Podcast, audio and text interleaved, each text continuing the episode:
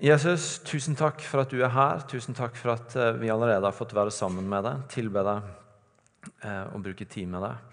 Um, og takk for fellesskapet vi får ha sammen. Takk for gudstjenesten i formiddag og de vi fikk ta imot til dåp. Takk for historiene fra Akta og fra Kambodsja og alt dette som minner oss om at du er levende, og du er til stede i vår verden. Ber deg Hellige Ånd om å komme og puste liv i jorda også i kveld, sånn at det blir til liv for oss, og sånn at det kan være noe vi kan ta med oss inn i denne sommeren og leve på og, og, og bruke tid på. Reflektere på. Amen. Yes.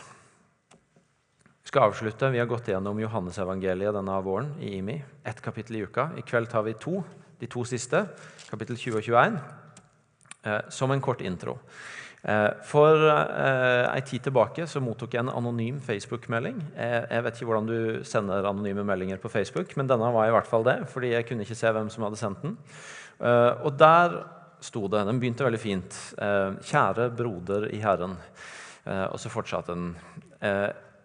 Pastor i en stor menighet, og jeg antar at du setter Jesus først i livet ditt. Og så har du bilde av noe så meningsløst som fotball på profilen din. Eh, på dette punktet så var liksom ikke profilbildet, men det store bildet du har på profilen, var da et bilde fra Anfield Road, eh, Liverpools hjemmebane. Um, og så eh, fortsatte han med Jeg kjente på skuffelse og sorg i min ånd når jeg så dette. Og så kunne en kanskje vente at det der eh, sto 'beste hilsen' og sett navn, eller noe, men det gjorde det ikke. Det bare stoppa der. Ehm, jeg skal ikke snakke mye om den meldinga, og jeg forteller det ikke for å få sympati. Eh, det var sikkert gjort i beste mening og no hard feelings. Men jeg, jeg, jeg forteller det som en start, fordi jeg har lyst til at vi skal tenke litt sammen i dag og ha som en innsteg til teksten i dag dette her med forholdet om hvordan vi tenker om Jesus. Er han primært opptatt med å ta oss ut av livet og hverdagen og det som den består av? Eller er han en som kommer inn i livet vårt og hverdagen vår og setter en retning på den? For Vi har lest Johannesevangeliet denne våren, og vi begynte i kapittel 1 med å lese historien om at ordet ble menneske, om at han flytta inn i vår verden, om at han kom oss nær. Og at, at det er på en måte det som gir fart i historien, at det er han som kommer inn i våre liv. At det er han som oppsøker oss, at det er han som kommer inn i den verden vi lever i. Og så har vi lest sånne ting gjennom dette semesteret som at han flere steder sier at han kom ikke for å dømme verden, men han kom for å frelse den. Og vi, vi, vi møter igjen og igjen en sånn eh, tone i evangeliet hvor vi ser hvordan Jesus kommer nær menneskers liv. Hvordan han ikke primært kommer og tar folk ut av livet og inn i et eller annet udefinerbart eh, som, som på en måte er hans virkelighet men hvordan han kommer og bringer sin virkelighet, sitt liv, sin retning inn i de liva som folk lever. Og I dag så skal vi møte Jesus som den oppstandende, som den som har gått hele veien til korset, som har dødd for mine synder og dine synder og hele denne verdens synd, eh, men som har vunnet over døden og stått opp igjen og er den levende. Og så leser vi flere ting i, i, i Bibelen, i Det nye testamentet, hvor, hvor, budskapet er at han som er oppstått, han som har vunnet over døden, han sier sånne ting som at han skal være med oss alle dager. Og det står i brevene til Paulus sånne ting som at, at Kristus er i oss. Og det er håp om herlighet. Det står sånne ting som at den samme kraften som vant over døden, bor i oss. Og Jesus sa sjøl tidligere i Johannes evangeliet at han ikke etterlater oss som foreldreløse barn, men han sender sin ånd, sånn at han kan være med oss eh, i det livet vi lever. Og Jeg tror bare det er så viktig for oss å få tak på at, at grunntonen i, i, i, måten Jesus eh, nærmer seg oss på, er, er, ikke så mye å ta oss ut av livet som å komme inn i livet vårt og sette en ny retning på det og, og, og, la det få prege oss. Og Det betyr at når f.eks. jeg står og trener fotballaget til min sønn på sju, så er ikke spørsmålet som på en måte svirrer i mitt hode fordi at det er tror på Jesus, hvordan kan jeg få gitt fra meg dette vervet, sånn at jeg kan ha to timer til i uka til å gå på et møte i IMI? Fordi at eh, da følger jeg Jesus mer.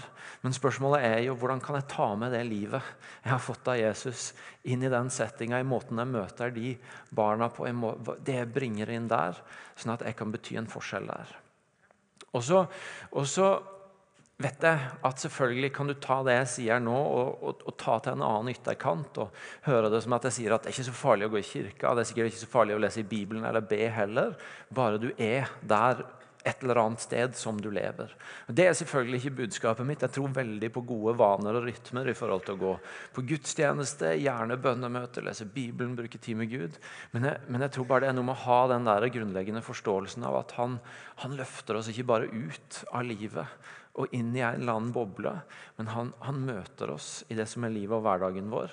Og så ønsker han å sette en retning eh, sammen med oss på det livet vi lever der.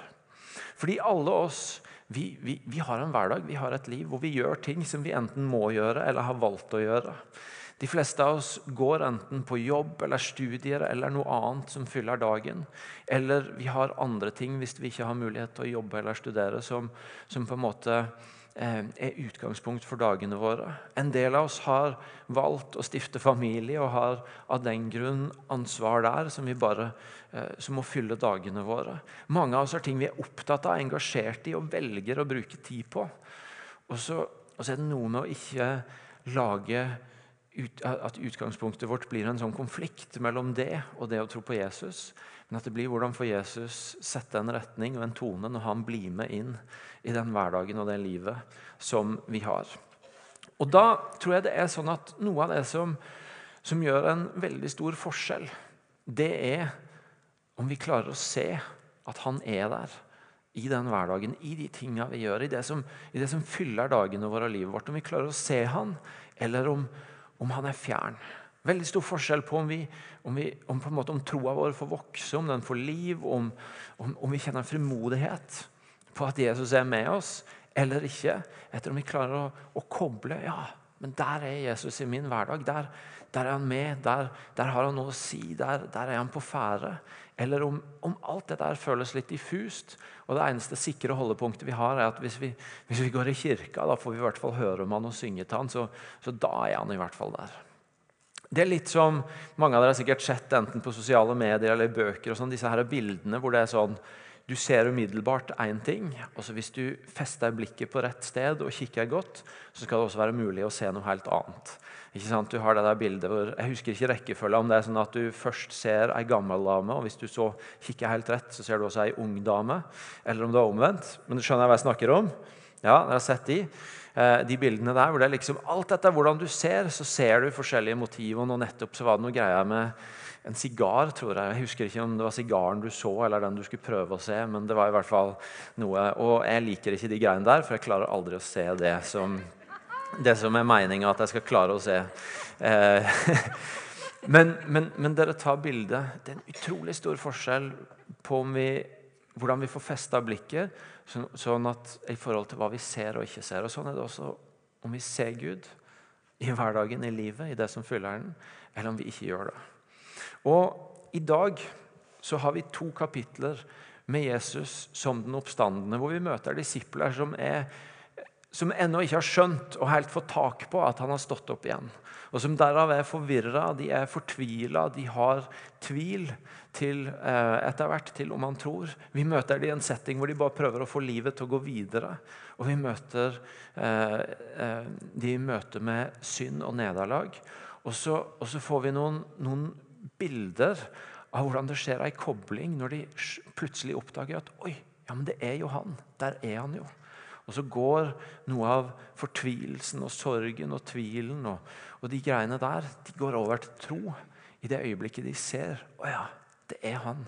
Der er han. Og Vi skal, vi skal bare se på de, noen av de, de eh, hendelsene. Dette er ikke sånn fem nøkler til å se Jesus i din hverdag. Men, men vi skal bare ta, ta tak i fem scener fra de to kapitlene. Og så håper jeg at de kan gi oss eh, hjelp og noe å ta med oss. For dette her med, å rett og slett se Jesus i hverdagen vår, at han er der, at han er på ferde, at han ønsker å være nær. Og Det begynner i kapittel 20, denne tidlige morgenen den første dagen i uka, hvor det, hvor det er Maria Magdalena som kommer til grava. Og Så står det at hun ser at steinen foran graven er tatt bort. Og Så løper hun av sted og forteller Simon Peter og denne andre disippelen, som er Johannes. og Johannes er forfatteren, og han liker å omtale seg sjøl som disippelen Jesus hadde kjær. Det syns jeg er utrolig kult. Eh, og, og han forteller de at de har tatt Herren bort fra graven, og vi vet ikke hvor de har lagt han. Og Så begynner de denne løpeturen hvor de løper til grava. og Johannes eh, får til og med presisert i teksten at det var han som kom først. Men han ble bare stående på utsida og kikke inn. Ehm, men Peter, som stadig vekk i evangeliene blir portrettert som den litt sånn mer breiale, brautende, frampå, fus i alt-typen, han går rett inn. Ehm, og så kommer de der, og så ser de at Jesus ikke er der. Og så står det, etter at Peter har gått inn, så står det Da gikk den andre disippelen også inn, han som var kommet først til grava. Han så og trodde.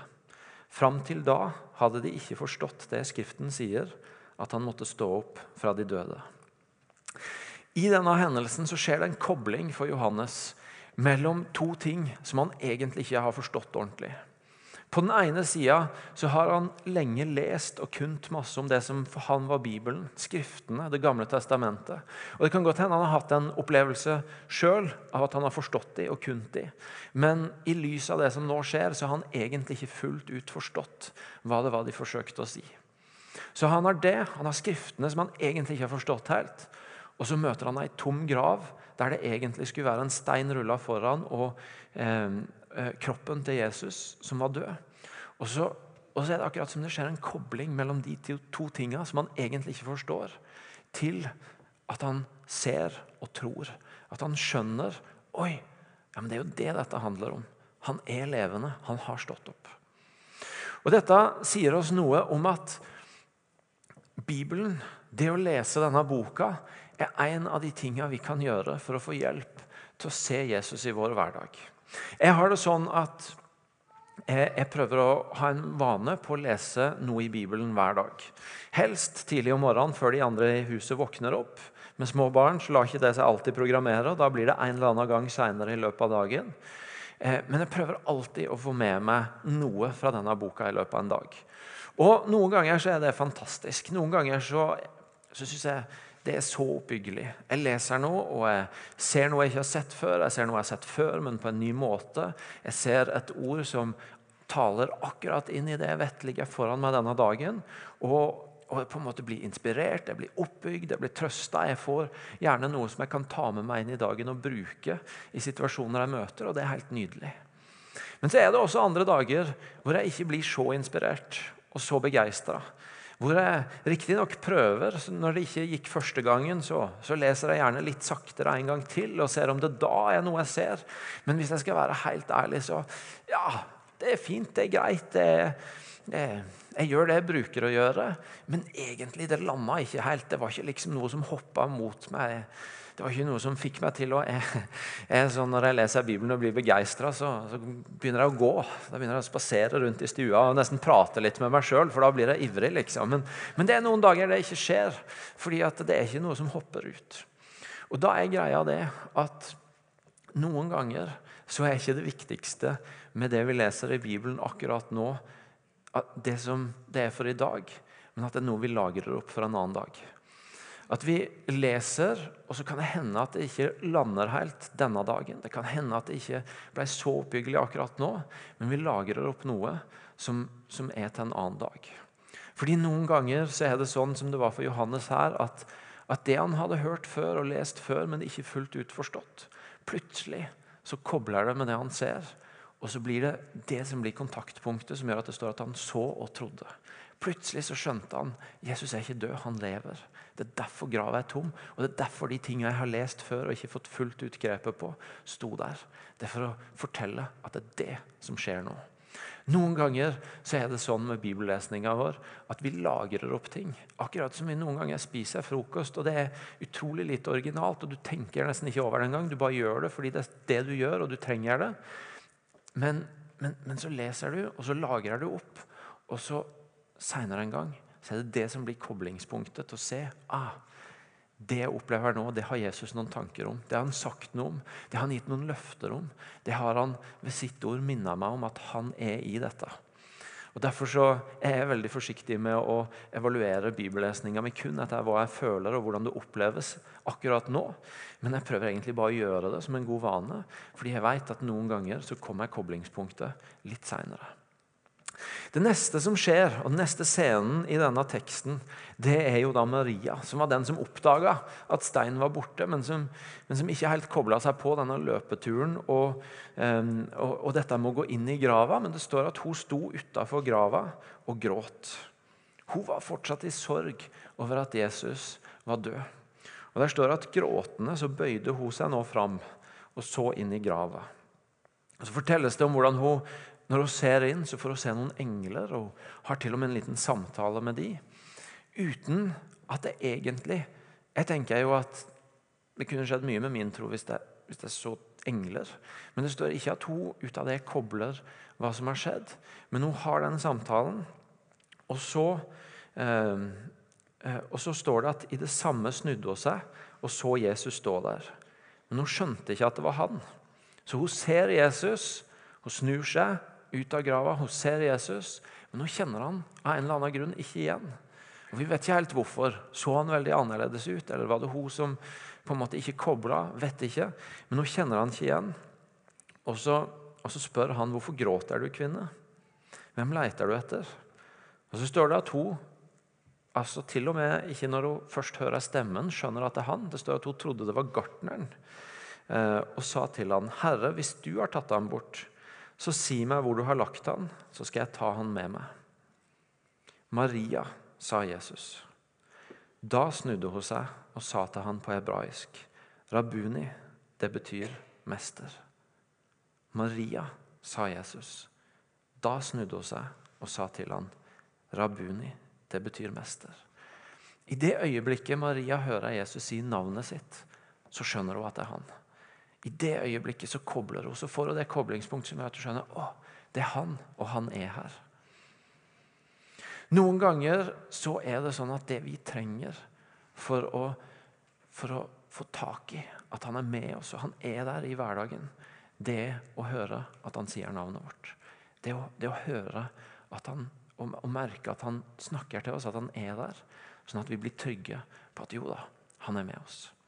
Det at vi blir stille nok til at den stemmen hvor han sier navnet vårt, får lyde inn i livet vårt. Vi kan som Maria oppleve ting som er utfordrende, som er vanskelige, som gjør at, blir, at, vi, at vi, blir tatt av sorgen. Og, og, det kan komme mange spørsmål opp, og, og, og, mange ting som vi lurer på. Hvorfor ble det sånn, og hvordan skal dette gå? Og Noen ganger så er det ikke svaret på spørsmålet som egentlig hjelper oss videre, men det å høre at han sier navnet vårt. Det at det blir stille nok til at vi hører at han sier navnet, og vi skjønner at han er der.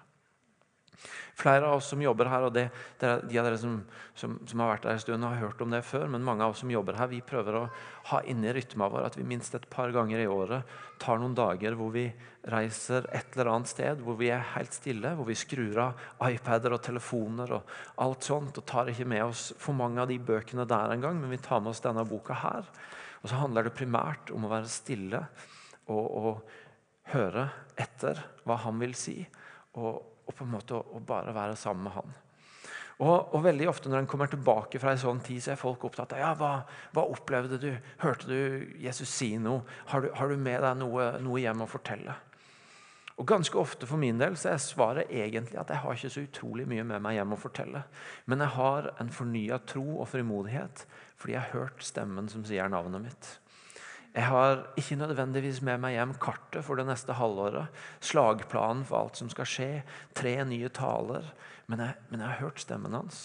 Jeg har hørt han si navnet mitt, og det fyller meg med en tro på at han er der, på at han kommer til å være med i det som ligger foran. Og da er det greit. Da trenger jeg ikke vite alt som ligger foran.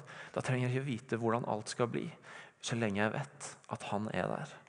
Det å oppdage at han er til stede gjennom å høre at han sier navnet mitt, at han kjenner at han er nær. Det gir meg tro, det gir meg frimodighet på det som ligger foran. Maria fikk oppleve det, vi kan få oppleve det. Så skal vi hoppe over. Der kommer en, en, en uh, hendelse som vi ikke skal bruke tid på i dag, hvor Jesus møter disiplene. Men så kommer han altså og møter Thomas.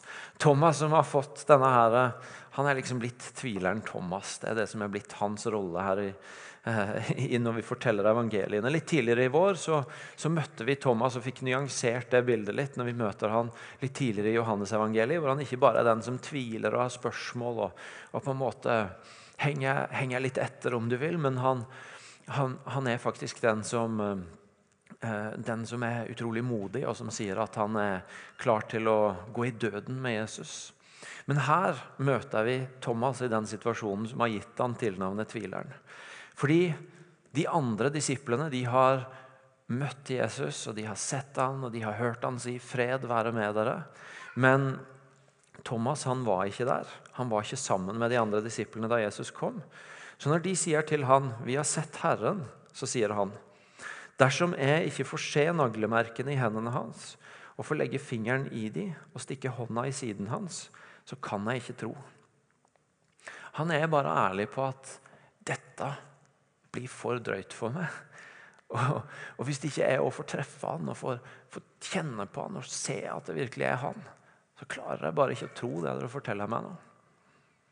Og Så står det altså at åtte dager seinere så var, ikke, så var disiplene igjen samla, og Thomas var sammen med dem. Da kom Jesus mens dørene var lukka. Han sto midt iblant dem og sa, 'Fred være med dere.' Så sier han til Thomas, 'Kom med fingeren din. Se, her er hendene mine. Kom med hånda og stikk den i siden min. Og vær ikke vantro, men troende.' Thomas får svar på spørsmålet sitt. Han får møte Jesus, han får ta på han. Og så er bekjennelsen, 'Min Herre og min Gud' sa Thomas. Han stiller spørsmålet. Jesus møter han i det, og så er bekjennelsen 'Jeg tror. Du er min Herre og min Gud'. For en tid tilbake, det er sikkert egentlig noen år siden nå, så hadde jeg sånn fast givertjeneste på et helsestudio. Og, da, eh, og, da, og når jeg skulle prøve å ta det i bruk, så, så, følte jeg meg jo, for de som er ca. like gamle som meg, eller eldre, sånn at de så på Lille Lørdag, så følte jeg meg litt som Thomas André rundt i de der treningsapparatene. Så Derfor så prøvde jeg å gå på sånne oppsatte timer. da, eh, Og tenkte at der kunne jeg få litt hjelp til å, eh, til å komme i gang. Og Ehm, jeg vet, ikke om det var fordi jeg så forkommen ut at de på en måte adresserte meg, eller om det er bare sånn sånne instruktører alltid gjør. Men jeg tror i nesten alle timene jeg var i, så var det liksom et budskap, og det var 'fake it till you make it'. Det var Når du ikke fikk dette her helt til, jeg hang litt etter på stega og øvelsen og alt det der, så var det 'fake it till you make it'. Så snart klarer du det hvis du bare later som. I livet med Jesus så er det ikke 'fake it till you make it' som gjelder. Men det er faktisk å være ærlig på de spørsmåla du har, og heller se han møter deg i det. Thomas prøver seg ikke på en 'fake it till you make it', men han, han er bare ærlig han på at 'jeg klarer ikke å tro' før jeg, det dere forteller, før jeg får svar på dette her. Og så, og så er han ærlig på det spørsmålet, og så møter Jesus han i det. Og så kommer koblingspunktet hvor bekjennelsen kommer. Jeg tror. Jeg ser at du er der. Jeg tror på deg. Og Det er så viktig for oss å få tak på at, at i livet med Jesus så er det ikke 'fake it till you make it'. Men det er å være ærlig på livet, på spørsmålet, på de tingene som møter oss. Og så kan det, kan det legges til at det kan være noen kloke ting å ta med seg om at det ikke alltid greia er å bare grave seg dypere og dypere ned i et, et hull.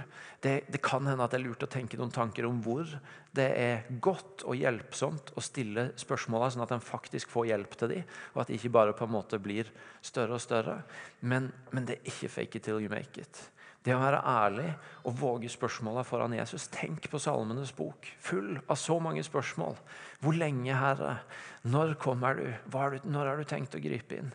Og så er det nettopp i den ærligheten i de spørsmåla at det skjer et møtepunkt som gjør at frimodigheten på at jo, han er der. Og sjøl, til og med om du ikke får svar på alle spørsmåla, så, så, er det likevel noe med møtepunktet i de spørsmåla som gjør at du får troen og kan bekjenne som Thomas, min Herre og min Gud. Jeg ser at du er der. Det er så viktig. John sitter baki her. Han ble døpt for noen uker siden. og Da fortalte han sitt vitnesbyrd. Han fortalte om at han hadde to spørsmål som han sa til Jesus. Jeg trenger svar på disse to spørsmåla hvis jeg skal klare å tro. Og Så fortalte han om hvordan han opplevde at det kom en til han som han ikke visste hvem var, og som han fortsatt ikke vet hvor kom fra, eller hvem var, men som sa les disse to bibelversene. Der er svaret på spørsmåla dine. Så gikk han hjem og leste de, og de svarte på spørsmåla. Og andre pinsedag så hadde vi gleden av å få døpe han her fordi han kunne bekjenne troa på Jesus som Herre. Det er fantastisk. Ikke fake it till you make it, men Jesus, du må svare meg på disse to spørsmåla, så skal jeg tro på deg. Neste, kapittel 21, så er det jo sånn at dette her, selv om de nå, disiplene har begynt å møte Jesus og, ehm, og, og på en måte på et eller annet vis få armene rundt at ja, men han lever jo, så er det fortsatt litt uklart hva, hva skjer nå. Hva, hvor går veien videre herfra? Han, det er jo ikke som før allikevel. Fordi plutselig er han der, og så er han der ikke. Og, og hvor lenge har han tenkt å være her nå? Og, ja, hvordan skal vi gjøre dette her? Og Da er det Peter igjen denne her eh, frampå-fyren som må ha litt gang på ting, han, han, han, tenker at nå må vi bare få, få, gang på hverdagen. Nå må vi komme videre. Så han sier, 'Jeg drar ut og fisker'. Peter må bare komme i gang, han, eh, og, og få, få, gang på hverdagen. Og så står det 'Vi blir også med', sa de.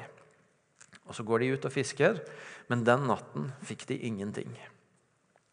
Da morgenen kom, sto Jesus på stranda, men disiplene visste ikke at det var han. 'Har dere ikke noe å spise, barna mine?' sa Jesus til dem. 'Nei', svarte de.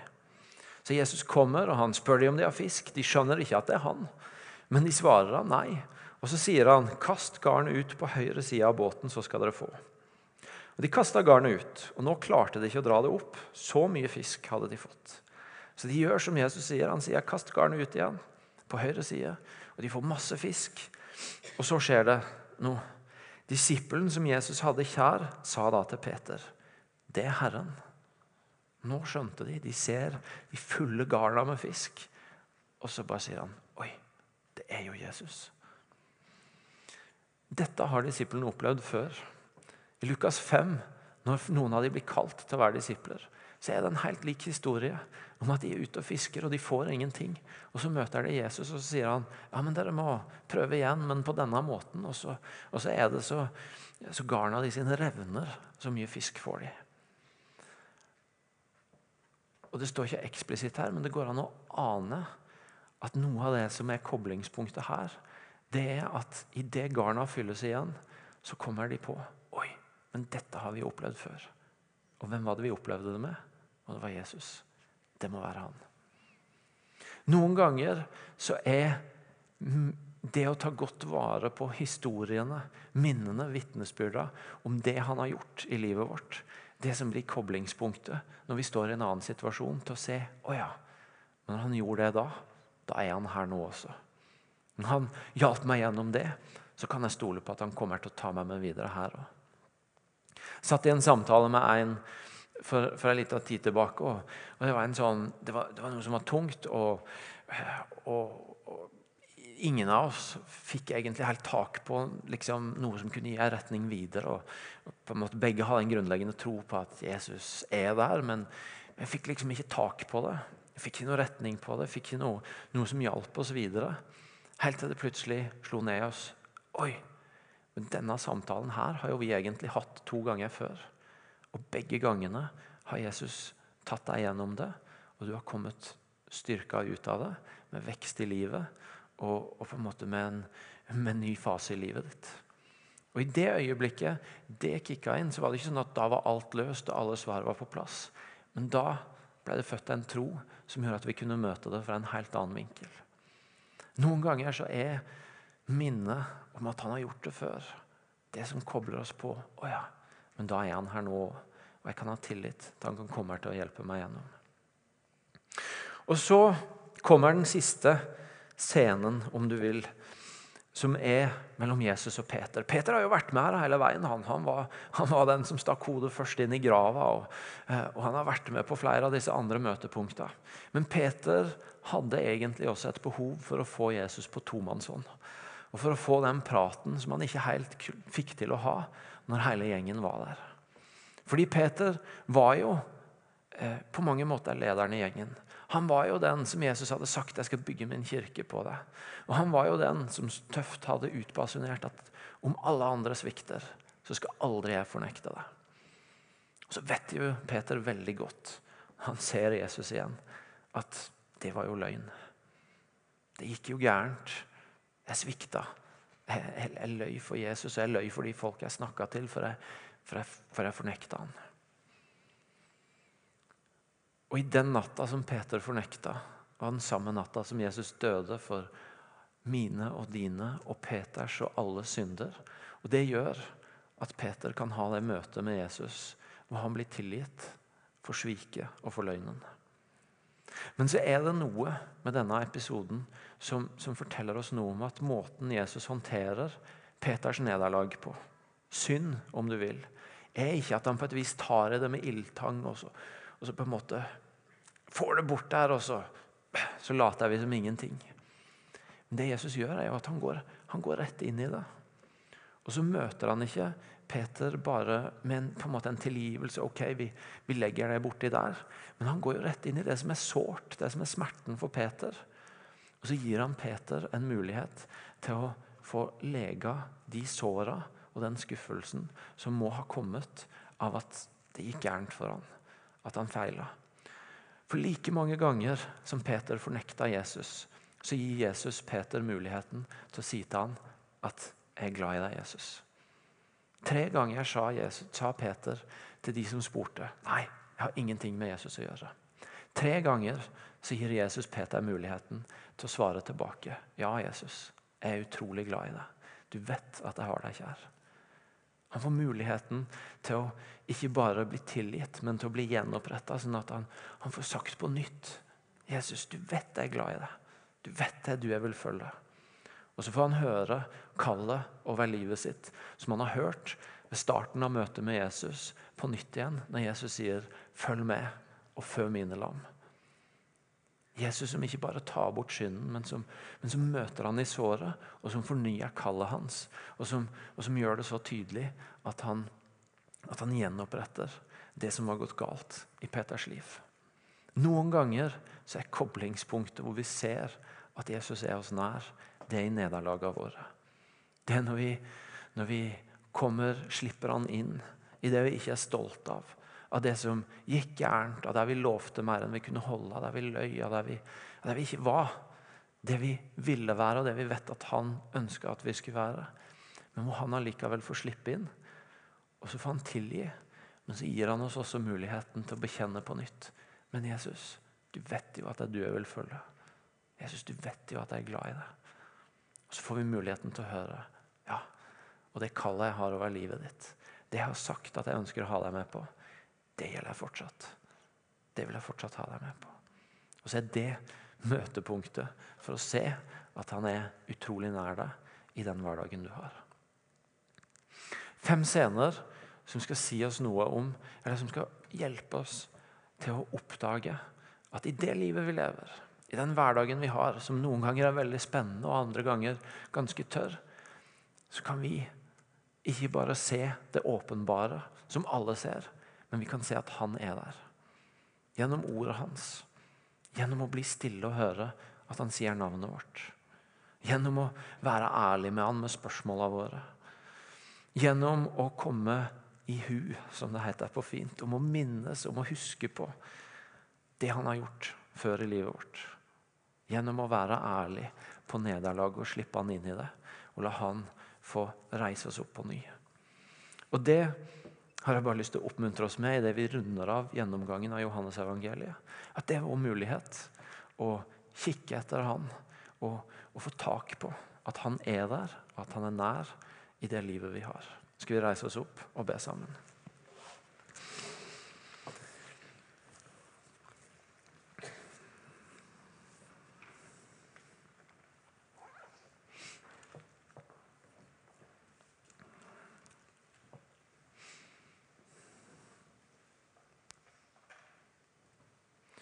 Jesus, tusen takk for at du er der. Tusen takk for at du ikke bare løfter oss ut av livet og, eh, og inn i noe annet, men for at du kommer nær livet vårt og setter deg i retning på det. Jeg har lyst til å be deg denne kvelden om at du møter oss alle og hjelper oss til å få tak på de koblingspunktene som gjør at vi ser at du er nær i livet vårt. Enten det er at du bringer ord vi har lest i Bibelen før, men ikke helt kobla, at de kommer til live. Eller det er at vi får høre deg si navnet vårt. At det blir helt stille, og så hører vi deg snakke.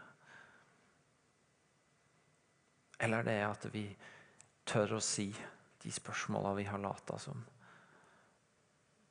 og opplever at du møter oss i det. Eller det at du bringer opp i oppmerksomheten vår de, de minnene, de vitnesbyrda som vi kanskje hadde glemt eller lagt på hylla. Og, og lar de bli til vår frimodighet på at du er der. Eller det er at vi denne kvelden får slippe deg inn i det vi går og skammer oss over og opplever som nederlag. Og så lar du denne kvelden bli en mulighet til å si på ny Amen, Jesus, jeg er så utrolig glad i deg. Det du har lyst til å følge. Takk for at du tilgir. Takk for at du eh, at kallet du har gitt over livet mitt, står fast. Hvis du bare ber deg om at du, du møter oss i det. Jeg har lyst be deg spesielt for de som akkurat i denne tida syns det er vanskelig å se at det er en kobling mellom det livet de har, og at du er den levende Jesus som kommer oss nær. Jeg har lyst til å be om at dette blir en kveld som blir et møtepunkt. Og at denne uka som kommer, blir et møtepunkt. Hvor de ser at du er der.